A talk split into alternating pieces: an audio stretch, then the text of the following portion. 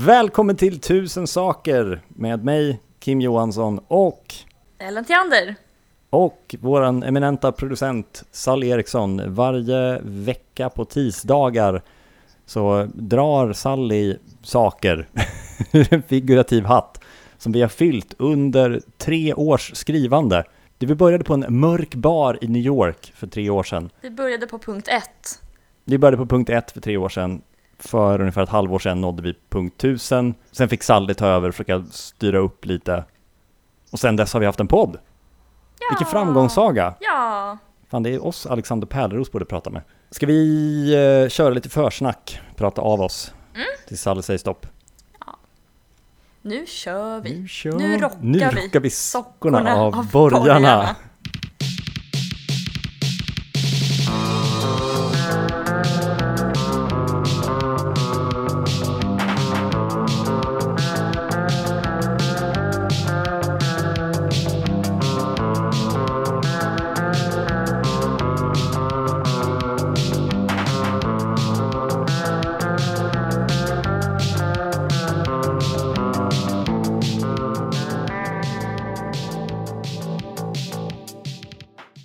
Jag skulle cykla hem, jag brukar cykla en, en rutt som går via en grusallé liksom. Det är så här Mm. eh, otroligt uppsaliensk miljö, en gammal grusallé.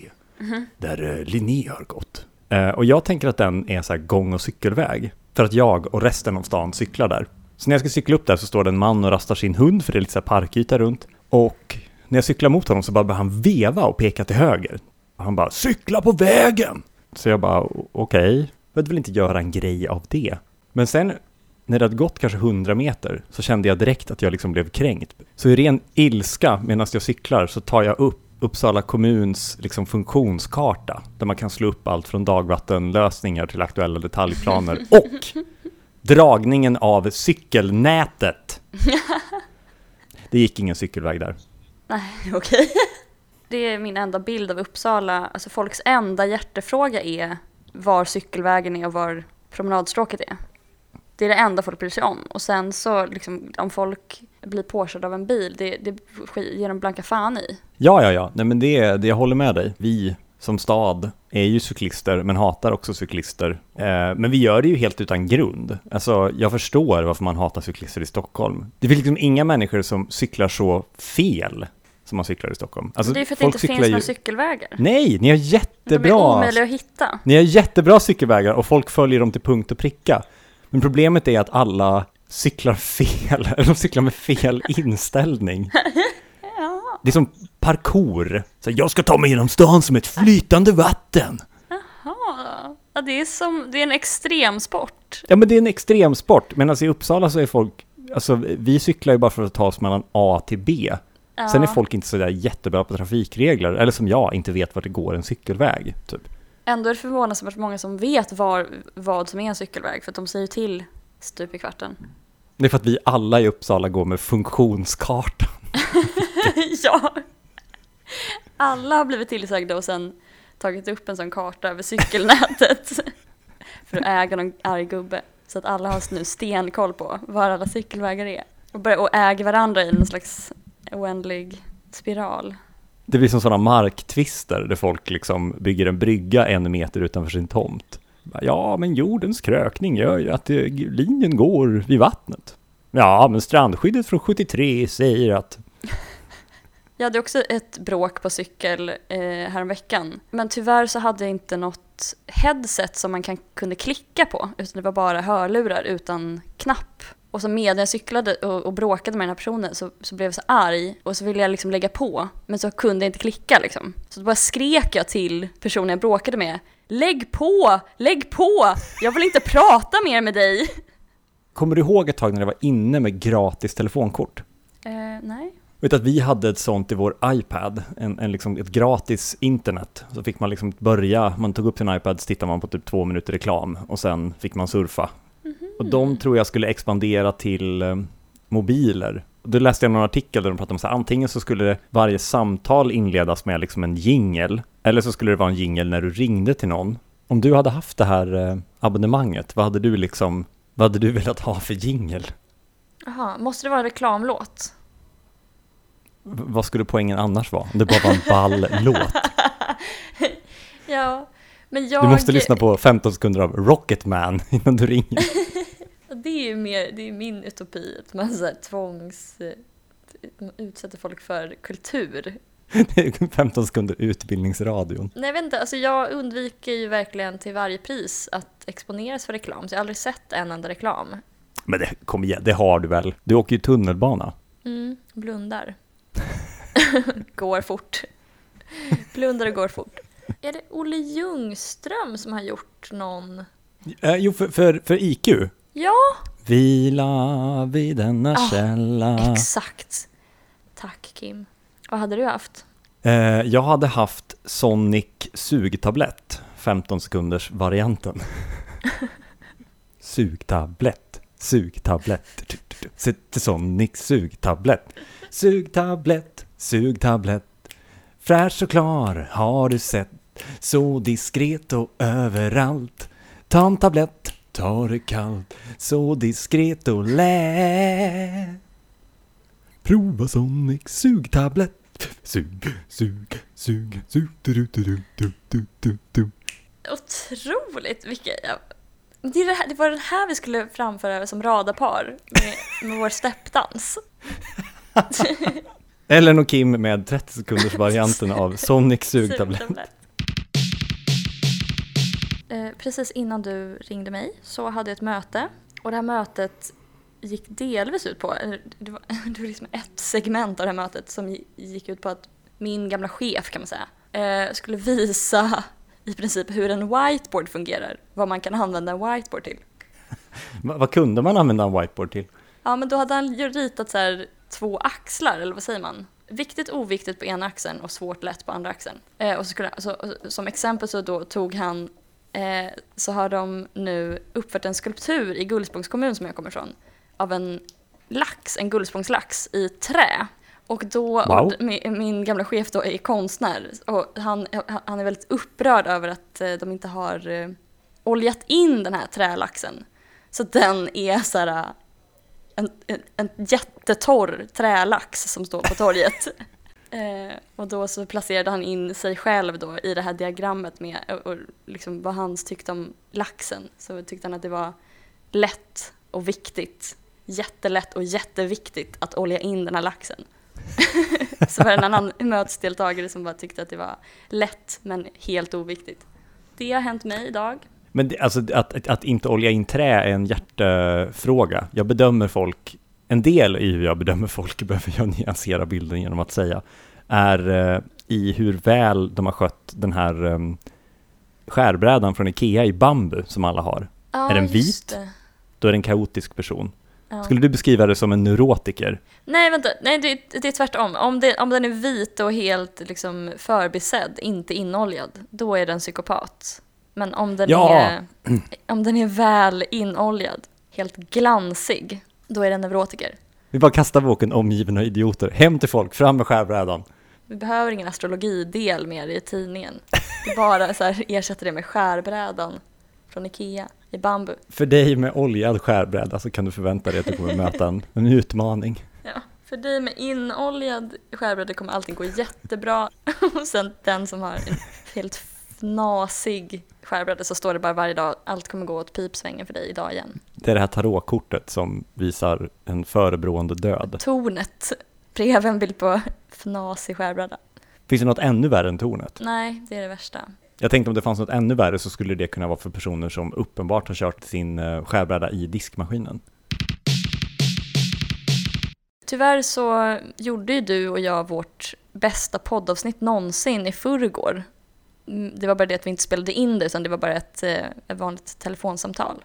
Det gick ut på att jag hade grov panikkoe för att eh, jag hade tappat min mobil i toaletten. För jag kan liksom intala mig själv att jag är typ lite charmigt virrig, lite disträ, saker går lite dåligt, saker är lite omständliga.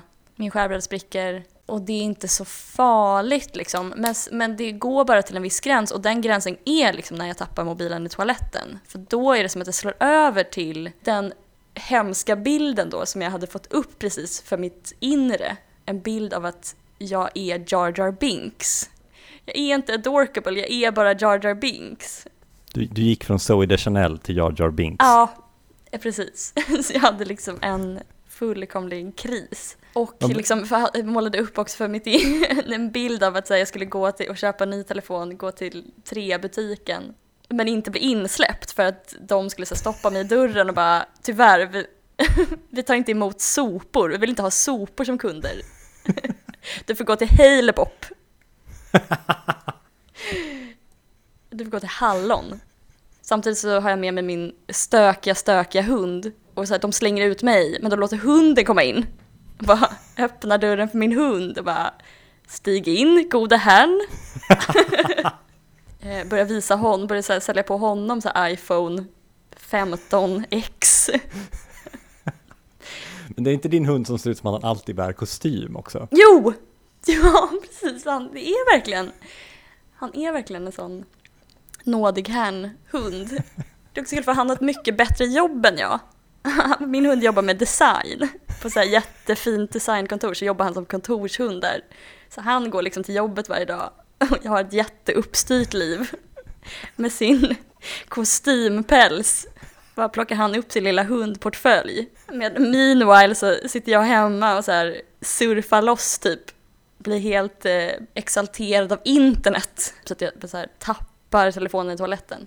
Han pratar lite otydligt, men är en jävel på att ta fram koncept. Ja, men precis. Folk börjar prata om min hund över huvudet på mig. Hunden är liksom som min förmyndare. Varför tycker jag att det är så roligt att ni köper en, att han är med och köper en telefon till dig och sen ett sånt tassavtryck på, på kontraktet? Nu börjar vi. Punkt 17. Man blir inte lycklig av pengar, även känt som Easterlins paradox. Även känt som Mo money, mo problems. Även känt som den lyckliga afrikanen. Eh, jag blir så arg när så kallade vänsterpersoner säger detta. Det är alltså en myt som spelar kolonisatörer och typ chefer, LOL, i händerna i deras strävan att kväva uppror och exploaterade gruppers anspråk på pengar och makt. Det finns en massa studier i ämnet och det finns även sunt förnuft, skärpning. Pröva själv att vara fattig om du blir så jävla lycklig av det. Folk slänger sig även med påhittad statistik om att folk är olyckliga och begår självmord oftare i Norden än i andra delar av världen. What the fuck? Det stämmer ju inte. De skandinaviska länderna är lyckligast i världen i de mätningar som har gjorts, typ World Happiness Report. Olyckligast 2020 är Afghanistan, Sydsudan, Centralafrikanska republiken, Rwanda, Zimbabwe. Hmm, kan det bero på att Afghanistan är det fattigaste landet i Asien och har flest dödsfall orsakade av krigshandlingar? Flest självmord begås för övrigt i länder som Grönland, Litauen, Guyana. Men detsamma gäller för självmordsstatistik som för våldtäktsstatistik, det vill säga säger mer om en vilja att mäta och vad man har för lagar plus stigman och att det överhuvudtaget finns befolkningsstatistik och räkning. En fucking sten fattar detta. Det är väl klart att inte Assad kommer skriva upp alla som begår självmord. Man blir inte olycklig och begår självmord bara för att man har tid med introspektion. Folk är skitdeppiga och mår piss i fattiga länder, självklart. Det här är en väldigt lång punkt som jag har skrivit, alltså jag skrev det Det här är, den här har du skrivit va? Det där var så bara en punkt, mina damer och herrar. Jag skrev den här alltså för tre år sedan. Det här är ju en av våra absolut tidigaste punkter, punkt 17. Och sen så eh, nu idag så, mm, så la jag till då statistiken för 2020. Bara att typ leva en enda dag i samhället eller bara sluta ögonen och tänka efter i en sekund borde vara bevis nog för motsatsen då. Men eftersom jag är en glasögonorm så har jag nu ändå, eh, jag tänkte bara återge lite forskning i urval helt enkelt. Eh, för då är det så här, det här, det här liksom tropen, där man blir inte lycklig av pengar, kommer från, det, det kallas för the Easterlin paradox, eller Easterlins paradox. Richard Easterlin som då gjorde en studie 1974, då var han verksam vid University of Pennsylvania, och så skrev han Does economic growth improve the human lot? Och gjorde då upptäckten att det inte fanns något samband mellan ett samhälles ekonomiska utveckling och invånarnas genomsnittliga välbefinnande. Eller snarare så är det, det, det fluktuerar inom, liksom på kort sikt så följer så här, inkomst och lycka varandra. Men sen på lång sikt så menar han att det inte, då försvinner det sambandet på något sätt. Och det är det som är paradoxen. Eh, så liksom tillväxt förbättrar inte lyckan. Eh, 2008 så skrev ekonomerna Betsy Stevenson och Justin Wolfers, och de verksamma vid University of Pennsylvania. De har publicerat en studie i ja, Brookings Papers on Economic Activity. Studien heter Economic Growth and Subjective Wellbeing Reassessing the Easterlin Paradox. Och där visar de att eh, Easterlins paradox vis, eh, vilar på bräckliga data, och, och de, men medan de har samlat så här jättemycket data, all tillgänglig data som finns på välbefinnande och inkomst. Det visar sig då att sambandet mellan lycka och rikedom är helt linjärt. Eh, folk i rika länder är lyckligare än folk i fattiga länder. Den rika delen av befolkningen i ett land är lyckligare än den fattiga delen. Det är en perfekt korrelation liksom, mot oändligheten. Men som är procentuell, liksom. så att om du vill öka din lycka med 10% så måste det vara 10, du måste få 10% mer i inkomst. Liksom. Ja, och det visar sig också om och om igen i The World Happiness Report som publiceras årligen sedan 2012.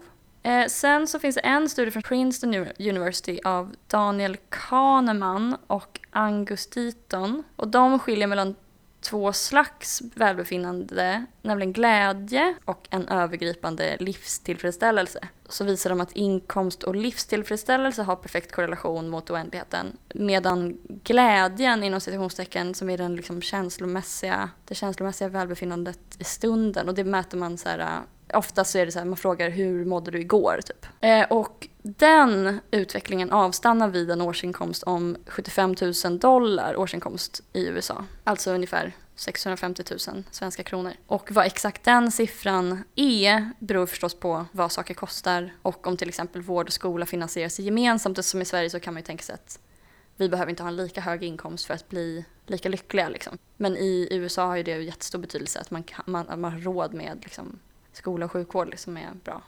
Alltså så man mäter det här då, för det är, det är också en sägning att här, man kan inte mäta lycka. Ja, det är, det är klart man kan det. Det är bara att fråga folk om de är lyckliga typ. Eh, ja. Eller det vi har visat sig att, det stämmer ganska, när man frågar folk om de är lyckliga så stämmer det väldigt bra överens med typ vad man skulle kunna tro. Nämligen att folk som bor i Afghanistan säger att de är olyckliga, folk som bor i Finland säger att de är lyckliga. Eh, men, men det som man använder som metod är så här, the country ladder method som är att de svarande får föreställa sig en stege med tio steg där steg 10 representerar det bästa tänkbara liv för dem och 0 representerar det sämsta tänkbara liv. Och sen får de placera in sig själva på stegen. Och sen så i den här, jag kan ta upp den kanske, den senaste från i år, Global Happiness Report. Jag ska skicka det här till dig om du är intresserad för det är ganska otroligt för då har de, då är det olika staplar så med lycka och sen är det olika färger beroende på hur de vad, hur de förklaras. Den blåa delen av stapeln betyder att det, är, att det förklaras av GDP per capita. BNP. BNP. Grön, den gröna delen av stapeln förklaras av så social support. Det är inte bara självskattad lycka utan det är också så BNP, känslan av att kunna påverka sitt liv, upplevelsen av rättvisa i samhället, om politiker och näringsliv anses vara korrupta och så antal an, friska levnadsår. Känner du igen det här överhuvudtaget? Att folk säger så här, man blir inte lycklig av pengar, mo money, mo problems. Ungefär. Ja, absolut. Och, och pengar är inte allt och liksom... Ja, men det, det är verkligen det. Jag undrar verkligen varför, varför man vill tro på det så himla gärna. Om det är att man typ redan har gått med på att ökad tillväxt leder till ökat välbefinnande. Och det som leder till ökad tillväxt är nyliberalism, eller så här, total kapitalism. Typ det är ingen självklar slutsats för det, kan, det är ju lika, eller så här, jag tänker snarare att det är ett sätt att argumentera för att det är en orättvisa att så här, rika personer är lyckligare så varför är inte alla rika? Eller så här, varför är det så ojämnt fördelat, både rikedom och lycka eller tillfredsställelse? Det är ju det, eller vad ska vi annars sträva efter? Varför ska vi annars sträva efter jämlikhet om det inte gör någon skillnad för folks välbefinnande? När du säger det så så. Men det är väl just den här oviljan att prata pengar. Man pratar ju gärna om resurser liksom. Och kanske men, skattepengar. Ja. Men privatekonomi känns väl inte så mycket som någonting som vänstern, alltså i alla fall de vänstermänniskor jag har träffat pratar väl inte så mycket om privatekonomi överlag liksom. Nej, alltså sen så kan ju det vara eh, en, alltså de här pengarna behöver inte vara liksom bara inkomst utan det kan ju lika gärna vara offentlig konsumtion. Det spelar ingen roll om man själv är den som köper sjukvården eller om man köper det tillsammans med alla andra. Men eh, jag skulle bara säga en till grej, fan vad det är. Nej men jag, jag tolkar det nästan som att det vänstern ägnar sig åt är att man bara vill uppvärdera typ livsstilen inom citationstecken att vara fattig. Som att det var det som var problemet, att här, det har för låg status att vara fattig typ. Det är lika kul att köra husvagn som en Tesla typ, eller så här, jag vet inte, det är bara så någon total nihilism liksom som, som stör mig så otroligt mycket. Men det är som, nästan som att man vänder sig till rika, att så här, det här blir inte så farligt för er om vi, om vi tar alla era pengar och omfördelar dem, för att lycka och pengar har ingenting med varandra att göra. Så här. Istället för att prata till de fattiga och bara så här, nu ska vi ta alla, alla de rikas pengar. Jag vet inte.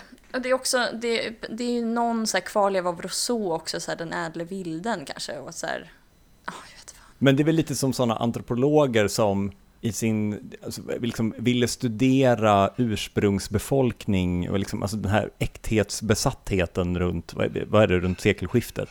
Vi ska inte liksom förstöra deras rena och ädla kultur, typ. Ja, Medan de är bara så här, hej, vi vill ha avlopp och rinnande vatten. Ja men exakt. Och de bara, nej, vi vill beskriva er i er 100% naturliga miljö. Och de bara, vi dör i konstiga diarréer. Ja, exakt. Alltså, och det, det är sån... Men det är verkligen det här att man bara pratar med någon kongoles och bara så här, bryr du dig inte din lilla hjärna om det här? Så här du som är så lycklig, du behöver inte tänka på det här, de här diamanterna som jag bara skulle vilja ha som är precis under dig. Typ så här, flytta på den kongolesen och bara så här, börja gräva efter diamanter och bara fortsätt du och så här, spela trumma och dansa och vara glad typ. Så, så tar jag hand om den här bördan liksom. Men det som Po Tidholm säger i, i um, Pengar och politik, så pratar han om den eh, lilla by i Norrland där han är uppväxt, på den tiden när liksom, vad ska man säga, södra Sverige gick in och började kolonisera den delen och bygga liksom motorvägar och för att kunna Mm. tanka naturresurser därifrån så lyckades man eh, trumma upp ett sånt stöd. Och det Mm. fanns ju överlag i samhället på den tiden en, en glädje över moderniteten.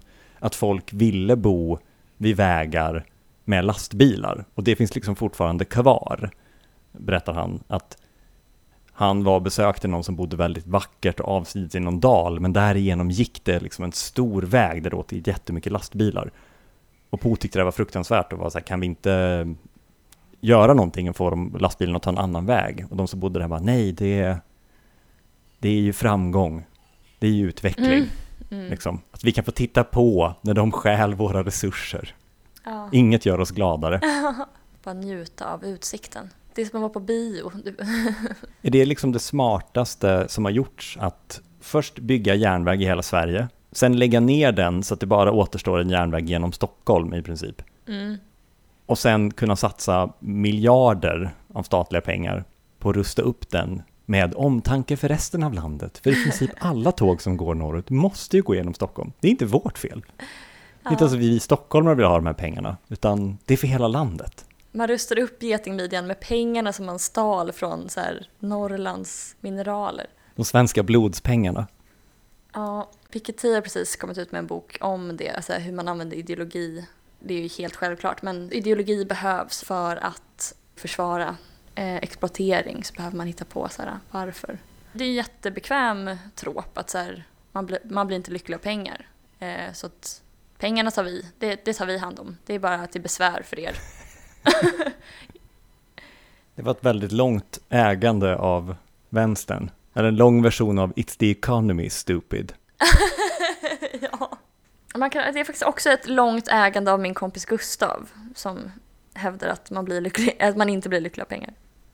Så det här är en personlig vendetta bara. Ja, det här är en personlig attack på min vän Gustav. Punkt 530. Roligt när de betonar fel saker i utrop på tåg. Bistron är för tillfället stängd och öppnar åter i Norrköping. Norrköping. Alla chansar på hur det ska sägas för att låta mest flygplanslikt. Men det är ju, alltså gud, tågupprop, det, det är ju så, det är en sån tacksam grej att göra lite bättre än vad de är idag. Alltså för det första så skulle någon bara kunna gå igenom alla vagnar och skruva ner volymen. Ja, Nej men de har ju någon sån här liten volymratt i varje vagn. Och någon gång har väl någon hundraårig farbror gått och skruvat upp den där. på alla tåg. Ja men om någon bara skulle gå och sätta den på lagom, vilket jag antar är i mitten.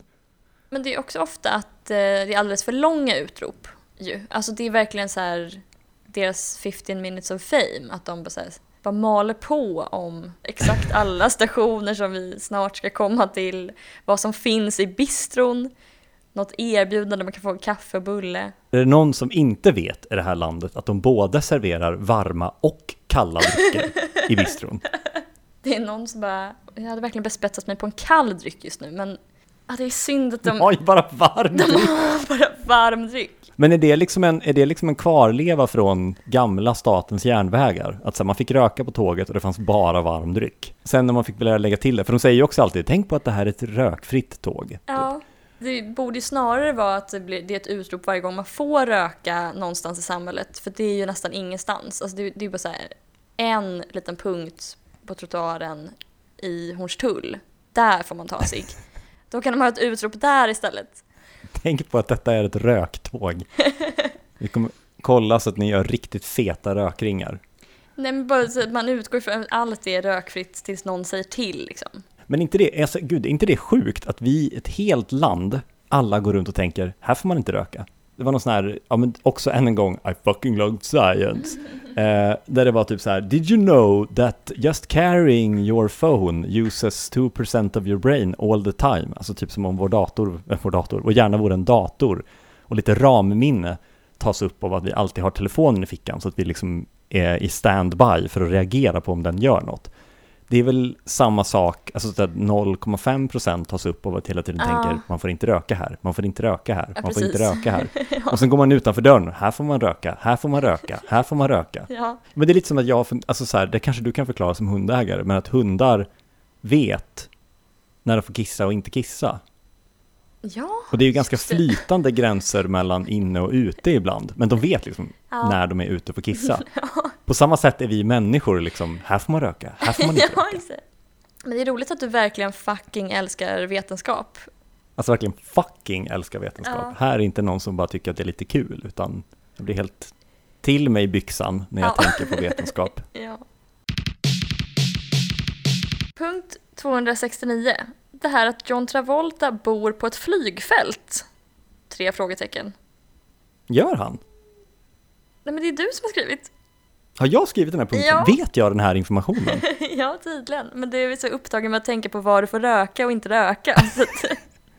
Jag måste verkligen kolla upp det här nu. Nu ska vi Ja. se här. John Travolta. Men gud!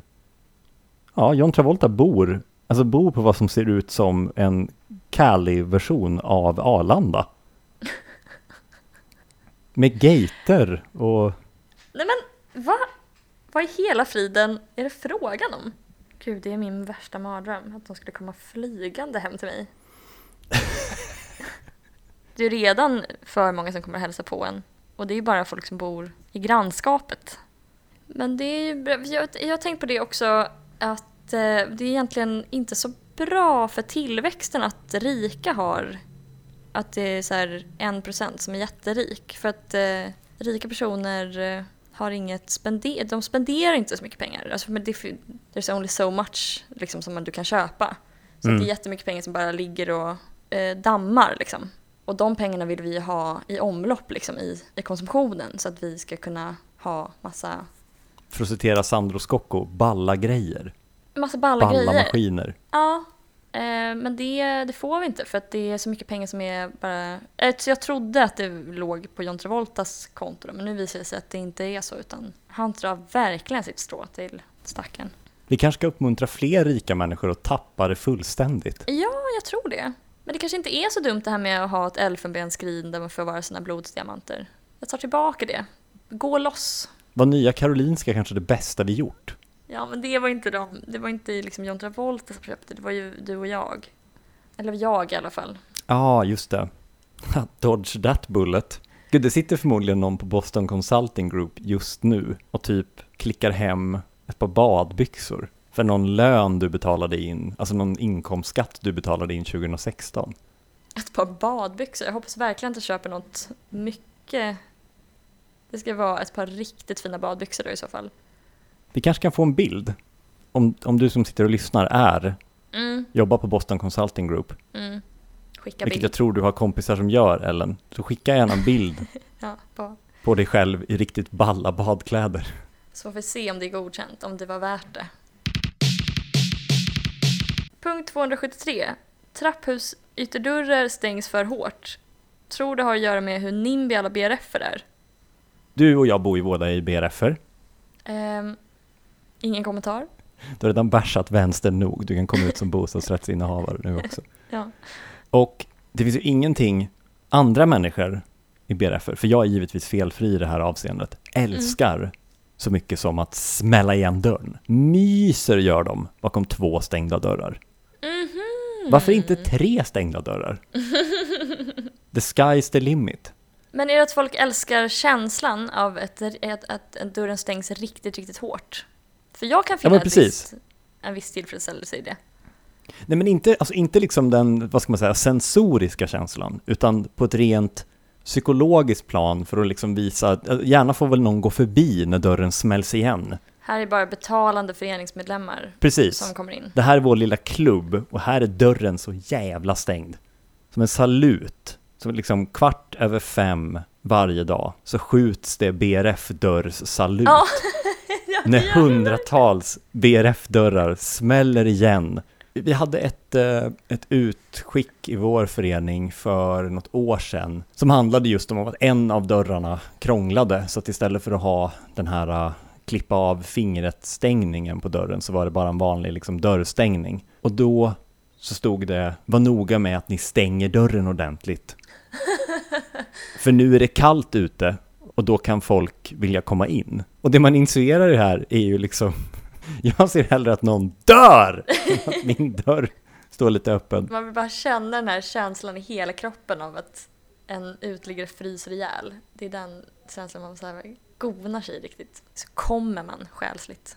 Jag förstår också att det är tråkigt om någon alltså, kommer in och kanske rafsar runt, lämnar skräp, eh, luktar illa i trapphuset. Alltså det, det är klart att, men att man liksom hellre känner att då, då, får de dö. Ja, inte bara, att man, att, inte bara att man gör det valet utan också att man njuter så himla mycket av det. Man bara vill att det ska liksom skallra i hela huset av att den personen dör. Den stängda dörrens serenad går. Ja, över Svartbäcksgatan. Vi hade också ett, eh, på, på en av de första styrelse, eller en av de första så här föreningsstämmorna jag var med på så var det också en motion om att vi skulle uppgradera vårt skalskydd. Oj, Känner du, till, känner du till begreppet skalskydd? Nej. Nej, det är då det, det yttre skyddet för en fastighet, alltså låsta Aha. dörrar, låsta fönster. Vi kommer, vi kommer behöva klippa bort att jag säger nej för att jag har suttit också i styrelsen. Så ja, jag vet vad skalskydd är självklart. Men du tänker, du tänker erkänna att du suttit i styrelsen, men inte att du bor i en BRF. Du har bara gått och, du är en sån, du är en sån föreningsmänniska att du har sökt upp en BRF. Bara för att få sitta i styrelsen betalar 10 miljoner kronor bara för att få vara med i en förening. Jag behöver inget föreningsstyrelsearvode, jag kan betala er. eh, nej men på den här stämman då så kom det in en motion om att vi måste uppgradera vårt skalskydd. Ehm, och vårt skalskydd i dagsläget är typ original från när huset byggdes. Så det är så att dörren är alltid låst. Ehm, men för att öppna den på dagen trycker man på en liten ringklocka och då öppnas dörren. Det, det ringer liksom inte utan det är bara dörren öppnas liksom. Huset har stått här i 70 år. Vi har haft det här. Det har inte varit något problem. Men då kom den här motionen och det började diskuteras. Ska vi ha kodlås eller blipp? Och efter en stund så kände jag mig nödgad att räcka upp handen och fråga varför? Vet du varför? Nej. Det kunde inte de svara på heller. Det enda svaret jag fick var, men dörren ska ju vara låst. Den ska ju vara låst! Jag bara, varför då? Vår, alltså, källardörren är låst, våra dörrar är låsta, den är låst på kvällen, vi har aldrig haft problem med någonting. Ja. Så bara, men den ska ju vara låst! ja. Dörrar är till för att låsas. Det är det, det enda liksom, moraliska idealet som kvarstår och som har liksom, ett gudomligt transcendent värde i postmodern tid.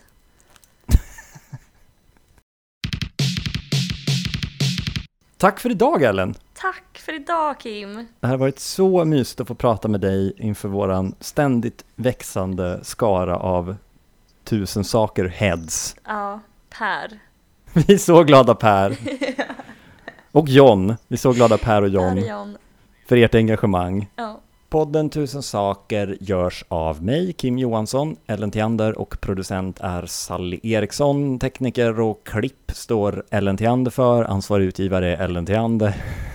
Allting är Ellen Theander. Vi kommer ut på tisdagar sex på morgonen, lagom till din eh, fem kilometer innan jobbet.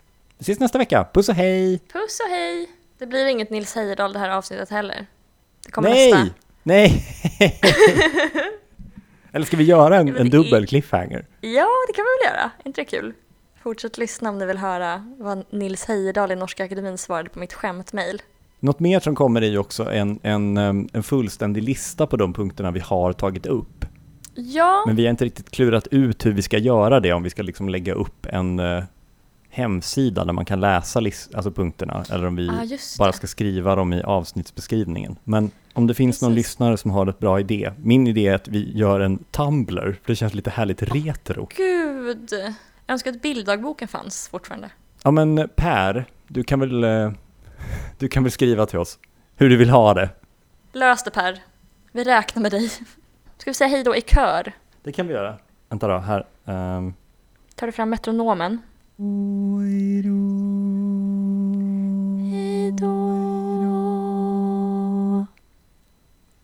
Stämning. Jag kan skicka den här tonen till dig så kan du ha den i bakgrunden.